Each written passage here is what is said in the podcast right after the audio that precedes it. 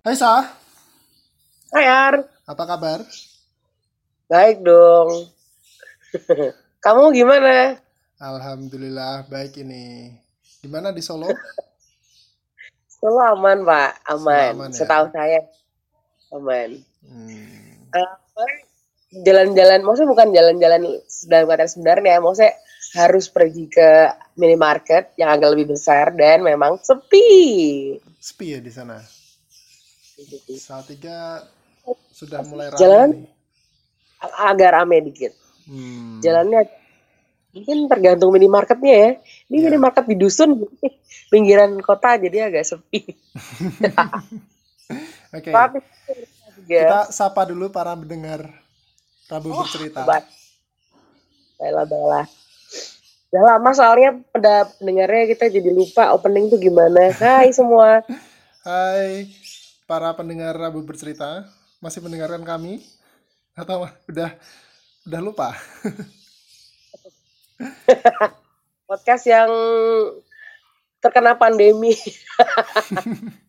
Oke, di sini di episode ke-9 ini kami benar-benar melakukan physical distancing setelah beberapa tela- trial dan akhirnya bisa melakukan uh, podcast dengan saya ada di Salatiga dan Sasa ada di mana Sa? Di Solo. Di Solo. Gitu. Gila, kesatuan teknologi ya. Ya. Tapi ntar, ntar, ntar kasih feedback ya. Apakah suaranya jadi aneh atau gimana? kasih tahu kita. Kalau udah dengar, ya nggak? Ya, sip. Nah, di sini kita kali ini mau membahas tentang puasa. Ini kan bulan puasa ini. Lu Puasanya itu Lu agak puasa- beda ya. Karena di Lu- tengah lu puasa- pandemi. Ya gimana? Puasa nggak? Alhamdulillah. Insya Allah puasa ini. Apa bedanya, Ar? Di pandemi sama nggak pandemi? Kalau untuk puasanya sendiri sebenarnya nggak terlalu beda ya. Hmm. karena kalau dulu pernah pernah kan waktu SD aku pernah waktu SD itu SD apa SMP ya aku itu pernah libur sebulan waktu puasa Wow, gitu. SD. Zamannya Gus Dur presidennya, inget gue. Nah, nah ini kurang lebih sama sebenarnya. Jadi waktu puasa kita harus di rumah gitu kan, libur ya ras, rasanya kayak seperti itu gitu. Ah. Cuman kalau in kalau dulu kan masih enak gitu, liburnya bisa main ke mana-mana. Tapi kalau selama pandemi ini kita jadinya terkungkung di rumah terus, ya kan?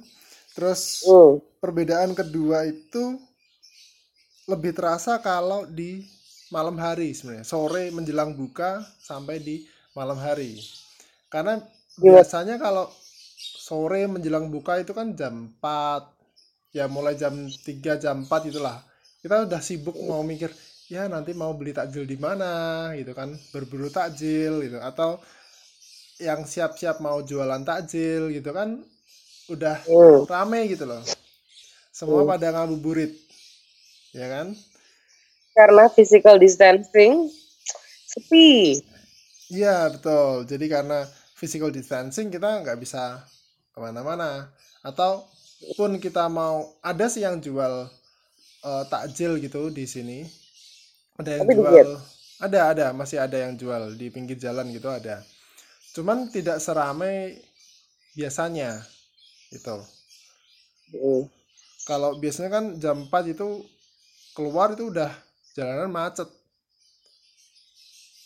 Kalau di Solo sendiri gimana sore hari? Aja sih kayak Manahan kan biasa orang beli takjil di situ. Sekarang juga cuma dikit banget, masih ada tapi dikit. Nah sekarang kan mungkin ini ya kayaknya trennya orang-orang juga jadi sering masak di rumah, Iya. upload di Instagram. Nah, betul betul. Jadi, itu nice, hmm, kan. Habis ngapain orang nggak boleh ke mana-mana ya udah masak aja yang kece di rumah. Nanti diposting bisa kas bisa sharing resep ke temennya. Terus nanti temennya recook, posting lagi, gitu-gitu kalau sekarang pak, ya nggak sih? eh, Berarti hmm, jadi kayak ini ya, tiba-tiba semua jadi master chef gitu. Yoi. Tapi menurut gue sih asik-asik aja sih. Maksudnya itu Hmm. juga cara untuk killing the time ya. Karena nggak boleh keluar kan kita kan kalau mau ngikutin anjuran pemerintah ya udah you better at stay at home lah. Stay at home ngapain? Ya udah masak gitu. Ya. Kayak beberapa ah, ya kan. Hmm. Kok kita nggak dikasih ya makanannya? Nyebelin banget. Cuma dikasih lihat dulu. Mungkin mereka masaknya dikit, dikit kan, nggak banyak. Oh. Bisa kan? Nah. Terus kalau Hah? kalau soal kalau soal lo beribadah bagaimana? Ada bedanya nggak? Ya pasti. di masa pandemi? Karena kita kan nggak boleh kalau umat muslim kan nggak disarankan untuk eh, beribadah di rumah ya. Jadi untuk teraweh gitu-gitu ya dilakukan di rumah gitu. Walaupun memang masih ada sih eh, beberapa Hmm. masjid yang menggelar. Taraweh gitu di Hmm. di sana itu. Cuman untuk terawehnya sendiri mereka nggak yang biasanya kan Selamat. pakai speaker gitu. Jadi semua orang Ah. tahu oh ada terawih di situ. Itu enggak. Oke. Jadi memang em, kalau dirasa jamaahnya itu banyak, karena tempatnya sempit, jadinya nggak ada teraweh gitu, nggak ada sholat di situ. Tapi kalau seandainya jamaahnya sedikit, nah mereka kan Hmm. bisa ada jarak tuh satu sama lain.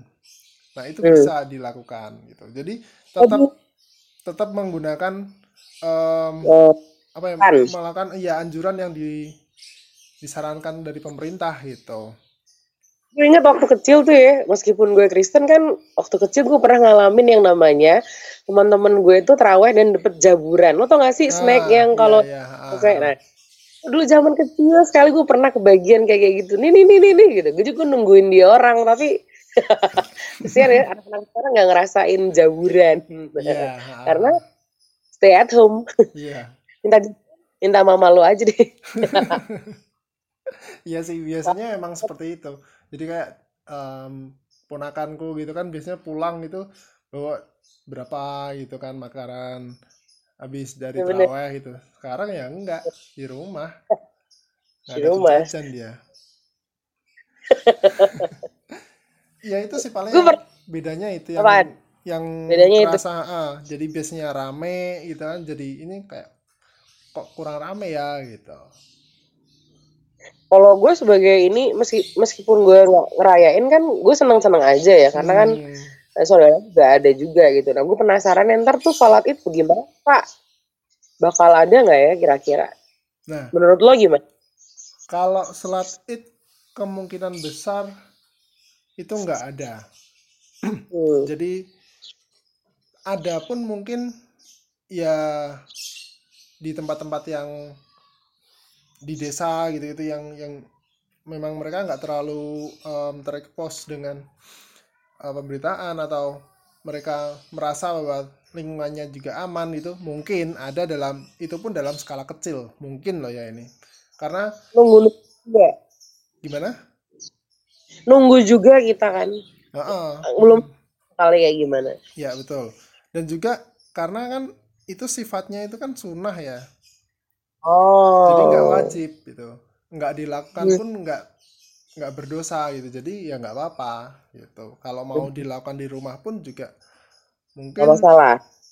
mungkin bisa. Aku tapi kurang begitu ngerti hukumnya kalau dilakukan di di di rumah gitu. Karena kan itu ada beberapa syaratnya gitu loh. Kayak Hmm. ada apa namanya khutbahnya gitu-gitu. Kalau di rumah sendirian yang khutbah siapa? Lu aja ntar pak. Dengerin dari YouTube gitu ya. Ini. Tinggal buka siapa gitu status dengerin online. Ya ya. Itu kan jadi jadi sholat id pertama kali ya seumur hidup kita sholat id yang mungkin akan ada eh, penyesuaian.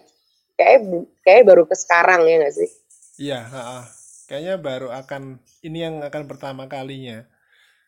Dan biasa Wah, dan juga eh, kemungkinan besar tahun ini itu nggak ada ibadah haji. wow, berat. Ya karena memang ya gimana dong nanti kalau dari semua dunia kumpul dan mungkin mereka akan berbagi virus kan tambah susah juga. Iya betul. Itu. Karena memang Banyak ah, banyak menahan diri. Iya nih, harus benar-benar sabar ini kayaknya. Kabar Pak. Cuman kalau dilihat dari historisnya, eh, Hmm? ini bukan pertama kalinya perayaan haji itu ditiadakan. Sudah pernah beberapa Oh, iya. kali gitu. Hah? Virus juga. Bukan. Kalau waktu Oh. itu sempat karena ada kayak eh, Ka- Ka'bahnya kalau nggak salah nih ya, Ka'bahnya itu masih dibenerin karena habis perang kayak gitu-gitu loh. Zaman-zaman dulu sekali. Kalau masalah Jadi- wabah itu aku nggak tahu sih, pernah atau enggak. Aku nggak tahu kalau itu. Hmm. Yang penting lu udah pernah umroh. Hajinya sabar dulu Pak. Ini hubung dulu Pak ONH, ONH dulu Pak. Iya, karena juga kita kan lama ya kalau haji ya. Harusnya kan Hmm. Di tahun sih. nunggu gimana? Ngantrinya berapa? lama? Ngantrinya berapa sih? Terakhir itu kayaknya 20 tahun ya, 20 apa 15 tahun gitu. Gila lama banget. Kalau daftar sekarang ya umur 50-an berarti. Lu daftar sekarang Pak. Yang antar. Gila. Tapi di buku soal fasting. Jadi oh iya iya. eh, ini ilmiah ya. Maksudnya dia orang yang dari sudut pandang klinis gitu. Jadi sebenarnya kalau menurut ini orang, ah bukunya udah gue simpan. Eh, puasa sendiri itu bagus gitu. Karena lo memberikan kesempatan untuk organ lo untuk organ lo itu bisa slow activity terus beberapa enzim yang perlu akan muncul ketika lo puasa katanya kayak gitu sih ini sebenarnya dia bilang bahwa puasa itu sebenarnya dijalankan pada berbagai agama Hmm. tapi memang jenisnya gitu nah secara klinis setelah dia dia lihat gitu, sebenarnya manfaatnya besar gitu. jadi gue sih karena oh, gue pernah awal-awal mau puasa waktu gue ngucapin ke Ardian atau ke teman-teman Ardian bilang lu puasa nggak sah ikut itu aja. Gue ikut sih cuman gue cuma dari jam 6 sore sampai jam 12 siang karena gue nggak bisa tuh modal Ardian sampai jam 6 kayak teman-teman muslim gue nggak bisa. Kayaknya itu terlalu berat gitu. Tapi maksudnya enteng juga sih Ar badannya. Hmm. Iya. Dan enak sih sebenarnya waktu kamu coba untuk puasa dari jam berapa tadi? Jam 6 sampai jam 12 ya? 12 siang Nah, itu 6 pagi sampai 12 siang. Sebelumnya makan dulu nggak? Kayak sahur dulu gitu nggak? nggak ada pokoknya gue berhenti makannya jam 6 sore nih Ah. jam 6 sore hari ini gue gue terakhir makan besok ya gue makan jam 12 siang Oh iya iya iya. Jam sampai 6 12 12 sampai 6 kayak 18 jam gitu Hmm. jam makan Hmm. Tapi kalau kamu ter sahur jam- ini jam ya, berapa? karena karena ada tidur dulu itu ya. Karena ada Ah. tidur jadinya kan nggak kerasa di situ. betul betul Hmm. Kalau aku itu sahurnya kan biasanya sebelum subuh ya. Berarti kalau di sini kan subuhnya jam setengah eh, jam 4.25 kalau nggak salah itu. Itu imsaknya subuh itu. Nah, jadi sebelum itu harus sahur dulu. Sahur itu bisa Hmm. sebenarnya sa- sahur yang disarankan itu kan yang menjelang imsak sebenarnya. Jadi nggak jauh-jauh kayak satu Hmm. jam sebelumnya itu enggak. Tapi kalau mau lebih nyantai gitu ya boleh gitu. hmm. Kalau aku sendiri, nah saat ini itu malah nggak makan nasi untuk sahur. makan apa lo Jadi ke, ya memang dari dulu kalau aku makan nasi di pagi hari itu jatuhnya malah ngantuk kan dan ngantuknya itu yang perutnya berat gitu loh. hmm. Pernah itu di hari pertama aku eh, makan nasi kan untuk sahurnya Hmm. terus tidur setelah subuhan itu dan baru bangun Hmm. itu jam 9 Weh, gue apa, gue apa? jadi itu itu bangun itu masih kayak kerasa wah berat banget perutnya Nah. berat banget eh, badannya gitu kan karena memang terlalu banyak karbonya kan Terus akhirnya aku di hari kedua sampai sekarang itu nggak makan nasi untuk eh, untuk sahur. Biasanya cuma aku Makan makan kentang yang besar gitu, satu sama wortel. Kasih mayo sama kasih keju sama kasih eh, saus gitu kan. Dah Lu orang gitu. Belanda. Apa? Lu kayak mau orang, malah kayak orang Belanda, nggak orang Salatiga luar. Ya jadi kayak gitu tak- aku selang-seling gitu. Kadang makan cuma roti gitu, roti satu itu atau em, buah gitu kan, pisang gitu-gitu. Tapi memang nggak makan nasi dan malamnya pun juga kadang nggak makan nasi juga Hmm. gitu. Berarti lu bakal jadi kurus dong ini. Eh, ini aja celana aku udah longgar ini. Eh, mantap. gitu. Karena malam pun juga kayak gitu. Kayak kemarin itu kita kan janjian mau ngobrol malam itu kan. Nah, Hmm. itu kesalahannya adalah aku sebelumnya itu habis buka itu aku makan sempat makan nasi gitu kan karena kan memang di rumah masak dan agak banyak aku lihat wah ya udahlah makan nasi aja gitu aku makan dan ternyata malah jadi perut jadi banyak akhirnya tidur kita aku akhirnya lupa kalau kita ada janji jam jam berapa itu. Udah gitu, udahlah tidur gue. Tapi berarti ya karbo itu pengaruhnya berat ke pola tidur ya. Maksudnya kayak makin banyak karbo yang lo makan, makin makin mudah mengantuk gitu kali ya. Iya, ha-ha. karena kan pencernaannya jadi agak berat kan. Hmm. Dan juga yang kedua adalah aku nggak banyak aktivitas. betul sekali. Nah, jadinya karbonya ini mau ke mana? Tidurlah aku sebagai eh, pelarian untuk eh, tempat tempat karbo itu. Ya udah, nggak apa-apa. Yang penting besok kan nggak. Oke, gue hari ini coba ya. Gue gue nggak gue makannya nanti deh jam 12 coba. Let's see. Hmm. Can I do that? Nah, Nah, kan- pertanyaan Hmm. dari orang nggak yang nggak punya riwayat kultur berpuasa seperti Muar. Gimana caranya menawan ha- menahan hawa nafsu makan dan minum sebelum buka? ah, It's so simple. Cuman gue nggak pernah bisa sih, karena gue nggak punya kulturnya ya. Maksudnya gue nggak pernah juga gitu. Kalau gimana? kalau masalah makan sama minum sih aku nggak terlalu pada dasarnya aku nggak nggak terlalu suka jajan gitu ya. Jadi kayak tahu sendiri kan kalau seandainya ditanyain eh kuliner di Solo di mana sih? Salatiga di Nggak tahu mana sih? dia. mana ya gitu. Ini enak nggak? Em, enak-enak aja gitu. Jadi aku nggak terlalu em, mempermasalahkan soal makanan gitu atau minuman itu. Seadanya di depanku apa ya ya udah itu aja aku makan gitu jadi Hmm. kalau untuk menahan eh, makanan dan minuman juga gampang sih itu bagiku Wih, tepuk tangan. Tak, tak, tak. karena memang dasarnya seperti itu Eh, jarang ngemil gitu-gitu makanya ya kamu sendiri badan kan memang dari dulu segini terus ya Berarti kalau lu secara kalau lu literally berarti apa yang dong yang susah ketika ini puasa? Berarti lu udah biasa atau tidak ada yang susah ketika puasa ini? Em, kalau puasa ini biasanya ya cenderungnya hawa nafsu yang lain sih Wes.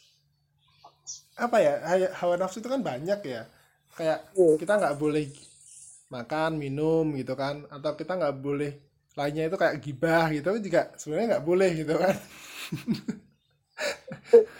nah hal-hal seperti itu mungkin yang memang sebenarnya lebih beratnya di situ kalau orang-orang sih bukan masalah Oh, makan minumnya sih Karena secara tingkat kedewasaan sudah tinggi jadi eh, apa hal masalahnya makin berat gitu ya. Bukan cuman sekedar pengen makan, pengen minum tapi yang lain. Ah, apalagi kayak pandemi gini kan orang mungkin gampang banget kayak ngeluh gitu. Ya boleh Hmm. sih ngeluh tapi ngeluhnya sama sama Gusti aja gitu. Ya, Oke. Jadi Gusti Ronda. ah, Bukan. Ya Allah. mungkin Oke. mungkin kayak gitu ya. Atau hal lain karena juga em, ini kan apa ya bulan yang penuh penuh perjuangan juga kan untuk banyak orang gitu. Banyak yang kehilangan pekerjaan, banyak yang kekurangan di tengah pandemi kayak gini. Jadi, nggak bisa lebaran mm-mm. apalagi tuh yang yang nggak bisa mudik itu. Nah, kan kasihan itu. kasihan banget nah jadi untuk teman-teman yang lagi puasa di mana pun berada silahkan bisa nyontoh tipsnya Ardian nggak usah makan karbo biar nggak ngantuk tapi terus tetap berpikir positif ya memang ini adalah eh, masa perjuangan ya nggak sih Mm, betul betul. Jadi pikiran positif itu juga sangat membantu sih sebenarnya. Pikiran Oke. positif yang dari datang dari kita sendiri lah ya. Jadi bukan kan Hmm. ada tuh istilah toxic positivity itu. betul Nah, tapi kalau toxic positivity itu kan biasanya datangnya dari luar kan. Hmm, Jadi kayak ada ada orang yang mau sharing gitu kan soal ya dia cuma mau didengarin tapi malah dikasih nasihat-nasihat yang sebenarnya nggak terlalu perlu gitu. Nah, berarti kan ya itu kan toxic positivity-nya dari luar itu. Tapi kalau Hmm. seandainya kalau itu berasal dari dalam, aku rasa itu bukan toxic positivity karena kita ya memang eh, memberi semangat motivasi kepada diri kita sendiri sih. Ya nggak sih? Itu kayak otak lo itu survive caranya survive diri kamu gitu ya Heeh, heeh. Oke. Berarti sebenarnya segala segala itu tadi yang gue bilang kayak ah gue pengen minum, oh, gue pengen makan itu harusnya bisa mental kalau gue sendirinya bisa mengatur otak gue, ya nggak? Hmm. Iya, betul. Wah, tipu. Set. Ya, kayak kemarin tuh aku baca itu kan.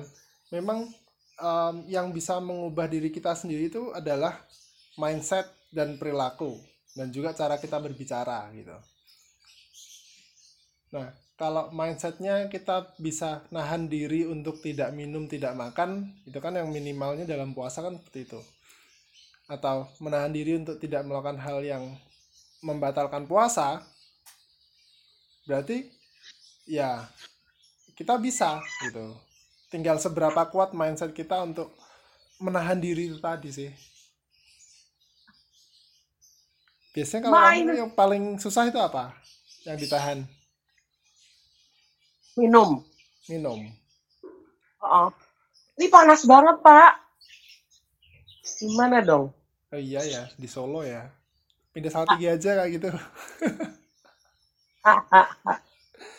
Tapi pikir latihan latihan latihan yang baik akan menghasilkan kemampuan yang prima. Kayak lo kan dari kecil lo udah udah puasa, jadinya makin ke sini makin ke sini ya nggak masalah.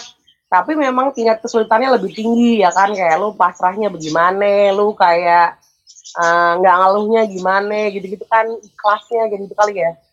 Iya, Wah, berarti makin kecil puasa makin bagus dong, Har. Kalau iya. dipikir-pikir. Oke. Jadi kalau dari kecil kan memang dibiasakan untuk makan paling puasanya setengah hari, misalnya gitu. Ini Jadi ini ini balik ke omongan lo yang pertama kali. apa? Kebiasaan. Oh iya, habit ya. Iya benar benar benar benar. Wow.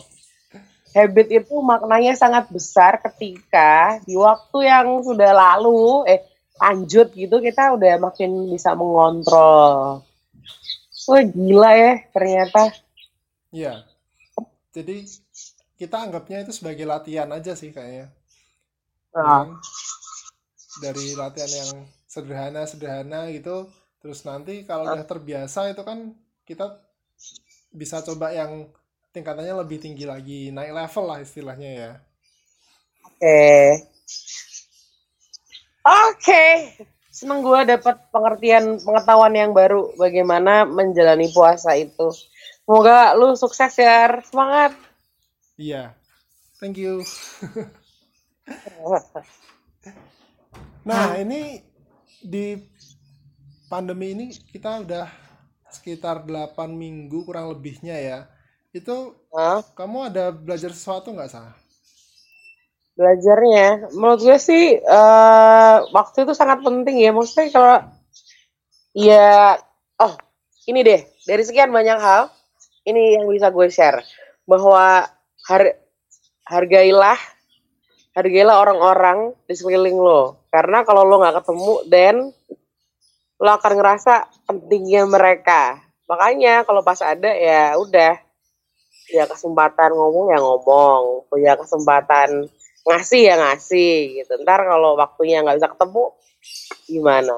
Hmm. It- Ya, ya, ya. saya lebih orang tuh lebih apa ya bahwa bahwa kita ngerti orang lain tuh penting itu di menurut gue kayak kayak kayak, kayak gini gitu. Karena kan sebenarnya masa kita tuh jangan terjebak pada social distancing. Sebenarnya gue lebih percaya bahwa ini tuh cuma sekedar physical distancing tapi enggak kayak kita kan ngobrol juga gitu. Jadi ja- jangan gara-gara kita nggak bisa ketemu tapi tetap silaturahminya jangan berhenti gitu sih pelajaran berharganya Iya. Jadi kayak kalau don't take everything for granted gitu ya. Ya, betul sekali Pak Guru Inggrisku. Iya sih, memang bener sih. Terus yang kalau aku di sini lebih kayak ya mencoba untuk berdamai dengan situasi gitu kan. Terus ya bener kayak itu tadi. Jadi hal-hal yang sebelumnya memang kita nggak pernah pikirin kayak bertemu dengan orang, dengan teman gitu kan ngumpul yang ah biasa kita tinggal ambil eh, main handphone gitu-gitu. Sekarang udah lebih yang oke. ada we try to be present gitu. Heeh. Jadi Ya. mencoba untuk berada di situ gitu kan. Kalau dengan Heeh. ketemu dengan orang ya mencoba sebenarnya ada di situ. Mencoba untuk em, lebih banyak kayak membantu karena kita juga tahu situasinya juga em, susah untuk semua orang gitu. Betul sekali. Mencoba untuk lebih menguatkan orang lain atau eh, juga toleransi gitu kan. Mm-mm. Itu sih yang lebih aku pelajarin di sini gitu. Keren. As long as kita masih belajar sesuatu, jadi nggak terlalu berat ya harinya ya. Iya, ha-ha. Oke. Kayaknya kalau kayak kayak gini kita ngomongan, maksudnya pakai apa LDR gini tuh kayaknya agak ada delay-delay gitu ya, ya ngomongnya. Iya sih. Kalau kayak gini tuh em, yang aku rasa agak kurangnya selain delay itu juga mungkin feel-nya ya yang belum dapat gitu ya. Karena kan biasanya kita sambil ya lihat ekspresi gitu kan. Ya bisa sih lihat ekspresi di sini. Cuman masih kayak kurang belum terbiasa aja Nggak. kayaknya ya. Bisa lihat ekspresi gue malas videoan karena gue belum mandi. Malah gue ngomong. Oke, oke, oke. Ya Tapi biar yang Hah? denger tahu bahwa kita berusaha, ya nggak? Iya, betul. Yang penting itu Jadi- kita selalu berusaha ya. Kita selalu berusaha dan kalau lagi denger ini juga apa pun usahanya teman-teman untuk menghadapi kehidupan yang itu terusin aja. Kalau kayak belum ada hasilnya, coba lagi, coba lagi, coba lagi. Jangan patah semangat, saudara-saudara.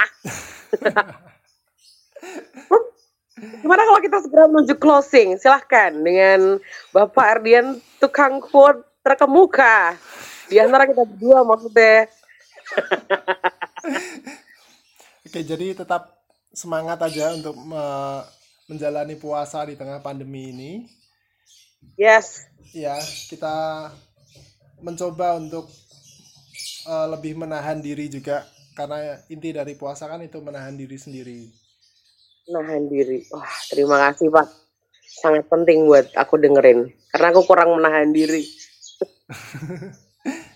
Ya, Oh, kurasa Thank itu aja you. untuk hari ini untuk podcast selalu bercerita di tayang hari ini karena hari ini hari Jumat. Oh iya.